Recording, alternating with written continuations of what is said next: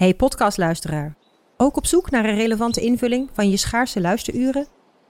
Tune dan in op de podcastserie ESG, even samengevat van BNP Paribas. Wij, Marloes en Aldert, spreken daar duurzame voorlopers en wereldverbeteraars. Waarover dan? Nou, bijvoorbeeld of we ooit duurzaam kunnen gaan vliegen. En waarom koeien in de stad nou een goed idee is? Dat en meer elke twee weken in een nieuwe aflevering. Dus abonneer je. ESG, even samengevat. Vanaf de redactie van NRC het verhaal van vandaag. Mijn naam is Thomas Ruip.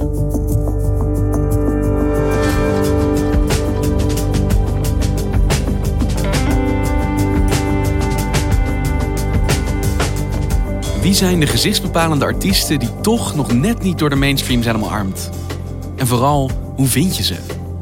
De cultuurredactie van NRC selecteerde 101 veelbelovende talenten waar we meer van gaan horen. Op zijn minst meer van zouden moeten horen.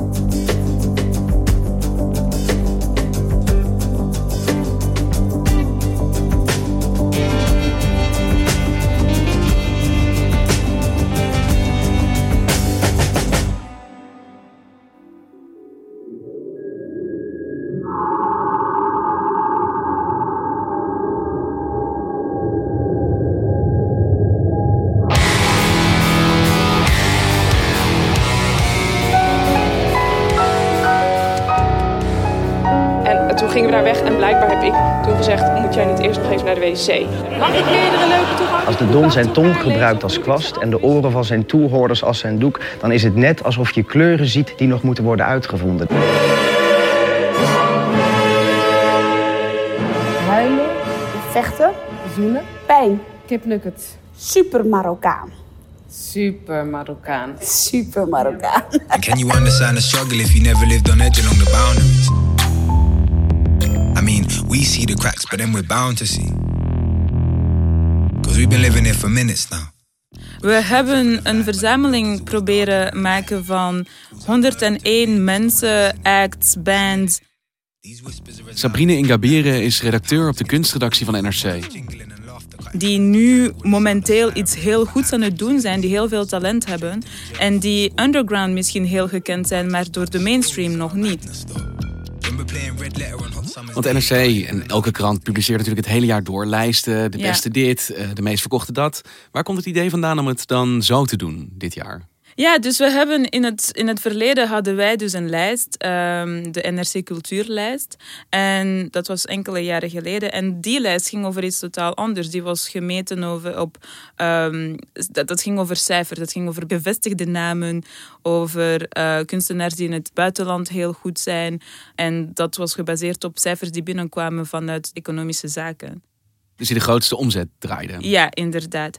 En deze namen waren dan, bleek dat deze lijst dan niet divers was. En daar kwam dus heel veel kritiek op. En dan hebben we ons afgevraagd: oké, is er iets in deze kritiek en wat moeten we daarmee doen? Want welke kritiek kwam daar dan op? Dat de, dat de lijst niet divers was en dat het iedere, ieder jaar opnieuw dezelfde namen voorkwamen. En dat je dan ook gaat afvragen: is het wel onze taak als krant om ieder jaar opnieuw te zeggen: deze zijn de allerbeste mensen die eigenlijk niet per se een platform nodig hebben, aangezien ze toch zo gekend zijn in het buitenland. Ja, dus je zegt dit zijn de mensen die je zou moeten kennen in plaats van dit zijn de mensen die je waarschijnlijk al kent omdat ze bekend zijn. Ja, inderdaad, die je zou moeten kennen, die het verdienen gekend te zijn, maar ook vooral niet, deze mensen zijn maar een deel van de mensen die jullie zouden moeten kennen. Het is geen top. We hebben ons best gedaan om zo'n een, een, een mooie lijst te maken, maar we kunnen niet zeggen dat dit de allerbeste mensen zijn, want waarop ga je dat gaan meten? Je kunt dat niet meten als de mensen net niet gevestigd zijn. En net daarom zeggen we, deze mensen hebben nu op dit moment zoveel talent. Kijk ernaar. Maar het lijkt me per definitie moeilijk als je zegt... je gaat een lijst verzamelen van mensen die eigenlijk misschien nog niet bekend zijn bij het grote publiek. Want Ja. waar vind jij ze dan? Waar vinden jullie ze? Ten eerste, het was een hele lange project. Onze cultuurredacteuren hebben zelf ook hun netwerk van hun recensenten gevraagd. Oké, welke namen kennen jullie, maar zijn nog niet groot genoeg dat ze eh, in Paradiso optreden bijvoorbeeld. En dus zij zijn met namen gekomen. Maar daarna zijn we dus ook op zoek gegaan naar experten die echt heel goed zijn in wat ze doen, in hun eigen categorieën. En die meer zicht hebben op die underground wereld. Dus op dingen die wij als krant niet per se zien. Ook omdat het zo gemakkelijk is om in je eigen leefwereld te blijven. Dus eigenlijk via, via, via proberen dat netwerk Ja. uit te breiden van wat we regulier misschien zouden Ja, doen. het was echt een beetje tentakels. Want je zegt die diversiteit geldt zowel eh, voor wat er gemaakt wordt als eh, voor de achtergrond van de artiesten. Maar ook Ja. de categorie waarin ze iets maken. Dat je gaat kijken buiten de grote gevestigde ordes. Mhm. Waar moet ik dan aan denken? Ja, denk bijvoorbeeld aan, aan spoken word. Dat is, een, ehm, dat, is een, eh, dat is een tak waar heel veel gebeurt op dit moment bij heel veel jonge mensen. Ehm, en underground kent iedereen wel één spoken word artiest, maar we doen daar heel weinig mee in de krant. Ik heb het zelf nog zitten opzoeken. We doen echt heel weinig met spoken word en al zeker niet met recenseren. Want hebben we wel eens een spoken word recensie in de krant gehad? Ik heb gezocht, ik wil geloven van wel, maar ik denk het niet. Niet gevonden. Ik heb het niet gevonden. En wat is spoken word nou precies voor kunstvorm? Voici l'histoire de la petite sœur qui avait de la douleur dans son cœur. Het kleine zusje dat haar mama troosten wou, maar niet wist dat ze Rwandese moeders niet troosten kon. Ik ging naar Rotterdam om een van onze spoken word artiesten op te zoeken. Eh, het is uh, Lisette Maneza. Zij gaat optreden in Paradiso. En ik vroeg haar ook, ik, want het, het grappige aan spoken word, en misschien is dat daarom dat we daar heel weinig mee doen, is dat we niet per se kunnen vatten wat het juist is. En ik vroeg haar, wat is dat dan? Um, het is voor mij publiceren als een schrijfster of verhalenverteller of poëet, wat dan ook, op het podium. Dus je gaat en je, je speak en het is verhalen vertellen. Poëzie is belangrijk, het schrijven op zich. Mm -hmm. uh, maar het, het podium is ook heel belangrijk. De performance is heel belangrijk. En wie is zij? Hoe is zij op deze lijst gekomen? Dus Lisette Maneza is 22. Ze is geboren in uh, Nederland en ze heeft Rwandese roots. En dat komt heel vaak voor in haar teksten. Het begon tussen uh, Congo, Burundi, Tanzania en Oeganda in. Mamma mia, we gaan Rwanda in.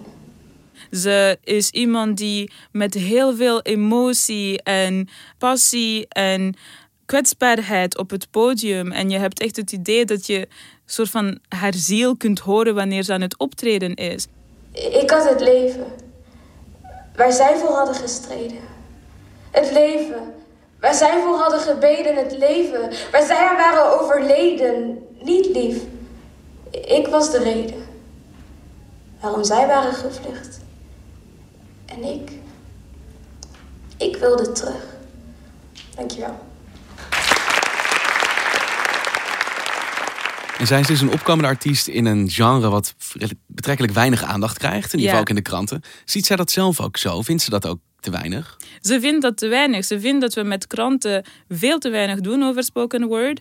En het jammere daaraan is dat, dat ze het idee heeft dat we dat niet serieus genoeg nemen. Dat we dus spoken word niet als een kunstvak um, erkennen dat het verdient om gerecenseerd te worden. Ik zou het echt heerlijk vinden als ik ooit een recensie zou kunnen lezen. Zelfs al zou het alleen maar een nare feedback zijn, dat klinkt misschien heel stom, dan zou ik het appreciëren dat iemand uh, de tijd heeft genomen om naar slam poetry te kijken als een kunstvorm die gerecenseerd kan worden. Kritiek heeft elke kunstenaar nodig om te groeien, hopelijk. Dat, hopelijk staat die daarvoor open. En zij staat er wel voor open, maar dat is er gewoon niet. En god dat voor meer categorieën die jullie gekozen hebben, dat die eigenlijk niet goed binnen de perken van de grote uh, categorieën die normaal in een krant ziet vallen. Ja, dus we hadden nu een, een lijst kunnen maken met uh, alleen literatuurnamen. Maar we hebben beseft dat in deze wereld waar, waar heel veel mensen toegang hebben tot een computer en, en zelf een blog kunnen maken en, en zelf hun teksten kunnen verspreiden en dan zelf opgemerkt worden en dat literatuur dan te beperkend was. En wij wilden heel graag het breder trekken naar letteren. Feit dat we zien dat er een hele, um, dat heel veel jonge schrijvers nu online hun um, online hun werk tonen, vertonen en zo betaald worden. Dus ook hun brood verdienen met, met het schrijven. maar dat zij niet per se een boek willen uitbrengen. Dat maar, is niet het einddoel. Nee, inderdaad. En, maar waarom zouden ze daarom niet schrijver genoemd mogen, mo- mogen worden? Dus dat zijn, want dat zijn ze wel. En daarom hebben ze ook wel een plek op onze lijst. En dat is iets waar ze tegenaan lopen ook. Dat mensen zeggen, ja, je bent geen schrijver, want je hebt niet dat klassieke boek uitgebracht. Ja. Terwijl ze op heel andere manieren dat zeker wel zijn. Inderdaad. Ehm, en misschien is, het ook, misschien is het ook gewoon een reflectiepunt van wie mag schrijver zijn? Wie beschouwen wij als schrijver? En wie bepaalt of je je zo mag noemen of niet? Inderdaad. Wij vonden het heel belangrijk dat we een lijst zouden brengen dat een beetje meer zegt over wat er momenteel gaande is. En wat er momen- momenteel gaande is, is dat veel schrijvers gewoon geen boek hebben. En zijn hier verder nog trends in het oog gesprongen vanaf deze lijst? Het viel ons op bij het bekijken van de lijst van tien namen dat heel veel van deze mensen, net zoals in de rest van de lijst eigenlijk, maar dat heel veel schrijvers nu ook activist zijn. Dus je, je, je ziet dat er doorheen de hele lijst, ongeacht wie het is en hoe verschillend deze mensen ook zijn, activisme wel een plaats lijkt te krijgen. En aan wie moeten we dan denken? Welke ehm, activistische kunstenaars kom je tegen? Dus als je kijkt naar Olave Douanier, die uh, in onze letterenlijst staat, zij is een zwarte trans femme, zegt ze zelf. I say trans because that means to me that the gender that I was assigned to, a man, that that one doesn't work for me. Zij past niet in dat beeld van, oh, ze heeft hier een boek uitgebracht, maar ze maakt wel veel werk, ze schrijft heel veel en ze wordt ook erkend. En hoe verhoudt Olave's activisme zich tot haar kunst? Ja, Olave is ervan overtuigd, um, dat vertelt ze ook heel mooi, dat um, alle schrijvers activisten zijn. Per definitie? Per definitie. In het algemeen denk ik dat schrijven is activisme. Uh, in het algemeen? In het algemeen. Like, literatuur is activisme. En, en zelfs de keuze om te zeggen van... ik schrijf, ik probeer de politiek uit mijn schrijven te halen... is een politieke keuze, is een soort van activisme. Ze zegt dat ook de schrijvers die niet benoemen dat ze wit zijn, of de schrijvers die, um, die, die, die, dus hun kleur en hun geaardheid en, en hun gender niet benoemen, dat ook zij activistische schrijvers zijn. Ook de schrijvers die beslissen om zich niet bezig te houden met politiek, ook zij zijn activistisch, omdat schrijven aan zich bestaat in het uitbrengen van een boodschap. En dat aan zich is activistisch. Um, en in dat opzicht is zij een activist en een schrijver en ze vindt het prima om activist genoemd te worden, maar ze wil niet alleen activist genoemd worden als ze ook een schrijfster is. Het is ook gewoon een hele handige mechanisme om mensen het zwijgen op te leggen. Mm om te zeggen, ja, weet je, het is allemaal activistisch. Mm -hmm. Het is allemaal subjectief. Het is mm allemaal met belangen. Dus we hoeven daar niet op te letten. Maar witte schrijvers die nadrukkelijk niet willen praten over onderdrukking... Uh, dat is ook activisme. En dat is ook, met, dat is ook belangen daarachter. dat is ook hartstikke subjectief. Vaak zal de wereld zeggen, jij bent een activist. En dan wordt één deel van wie ze is van haar ontnomen, zeg maar, haar ontnomen. Maar dit zijn dus mensen die grotendeels niet nog op de radar staan van kranten, van de mainstream. Maar die zich tegelijkertijd ook beloftevol kunnen ontwikkelen als artiest. Hoe doen ze dat dan als zij tegelijkertijd dat publiek nog niet hebben? Ja, dus ze hebben het mainstream publiek niet. Maar underground zijn ze dus wel gekend. Ze hebben al op podia gestaan of ze hebben dus al stukken gepubliceerd. Of weet je, dus ze, ze zijn al gekend door bepaalde mensen. Dan heb je iemand zoals Jabba Dalul.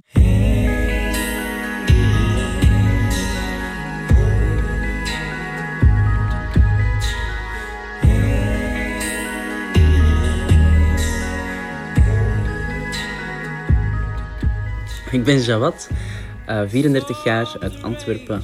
Ik maak uh, muziek, theater, maar ook dans. Um, en waarin ik graag eigenlijk bepaalde onderwerpen verbind, zoals religie en seksualiteit. Words you can't speak and tears you can cry. It's not fair. Hij heeft nog geen label. Hij heeft een manager. Um, al- maar dat is ook maar heel recent. En tot dan was hij gewoon echt op zichzelf, zichzelf aan het profileren en zijn muziek aan het verkopen zonder in de gevestigde orde te zijn gestapt. En dat is voor hem heel leuk, want hij heeft alle vrijheid. Hij kan bepalen welke muziek hij maakt, op welke manier, welke videoclip, ehm, op welke manier. Hij hoeft zich niet te verantwoorden. Hij hoeft zich tegen niemand te verantwoorden en hij kan gewoon zichzelf zijn. Maar anderzijds merk je dus dat er een hele grote druk is, dat het moeilijk is om als muzikant opgemerkt te worden. Muziek is een beetje wegwerpcultuur geworden. Iedereen kan gewoon muziek online zetten. Iedereen die met een laptop kan werken en een microfoon kan muziek maken.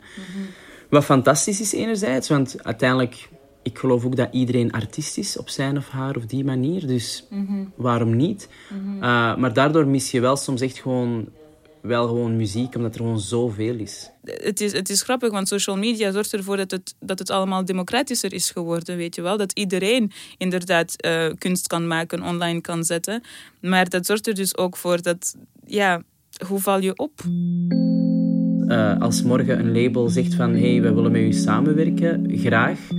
Maar het grappige van al is, omdat ik zelf al zo heb moeten knokken om het zelf te doen, weet ik nu ook beter wat voor labels ik niet wil. Uh, wat wil je dan niet? Wat ik niet wil, is mijn integriteit opgeven. Uh, wat ik niet wil, is mijn um, artistieke vrijheid inruilen voor een label dat zegt van oké, okay, maar wij gaan u groot kunnen maken.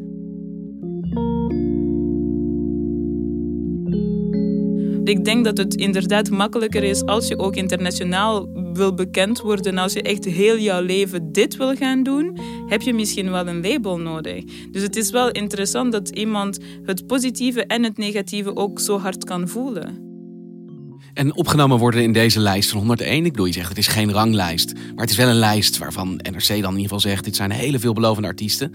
Betekent dat iets voor ze? Ja, ik denk het wel. Ze zijn verrast en heel blij.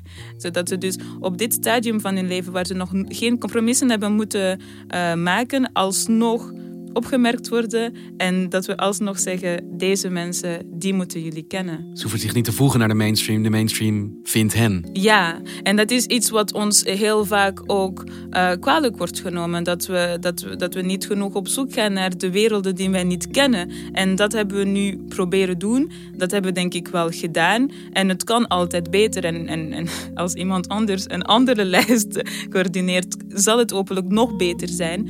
Maar het is denk ik echt een hele belangrijke lijst voor ons, maar ook voor hen.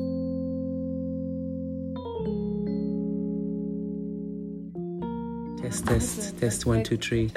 Wil je een stukje zingen? Zeker. Wat kan ik zingen?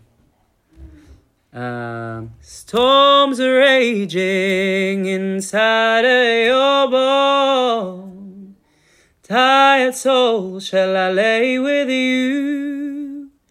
Words you can't speak and tears you can't cry. It's not fair what they done to you. Dankjewel.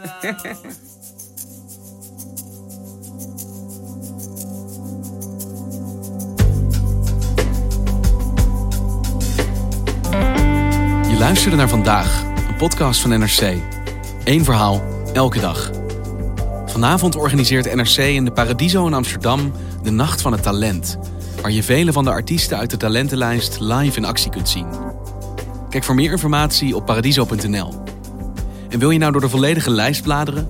Ga dan naar nrc.nl/slash 101. Dat is dus 101. Dit was vandaag, morgen weer.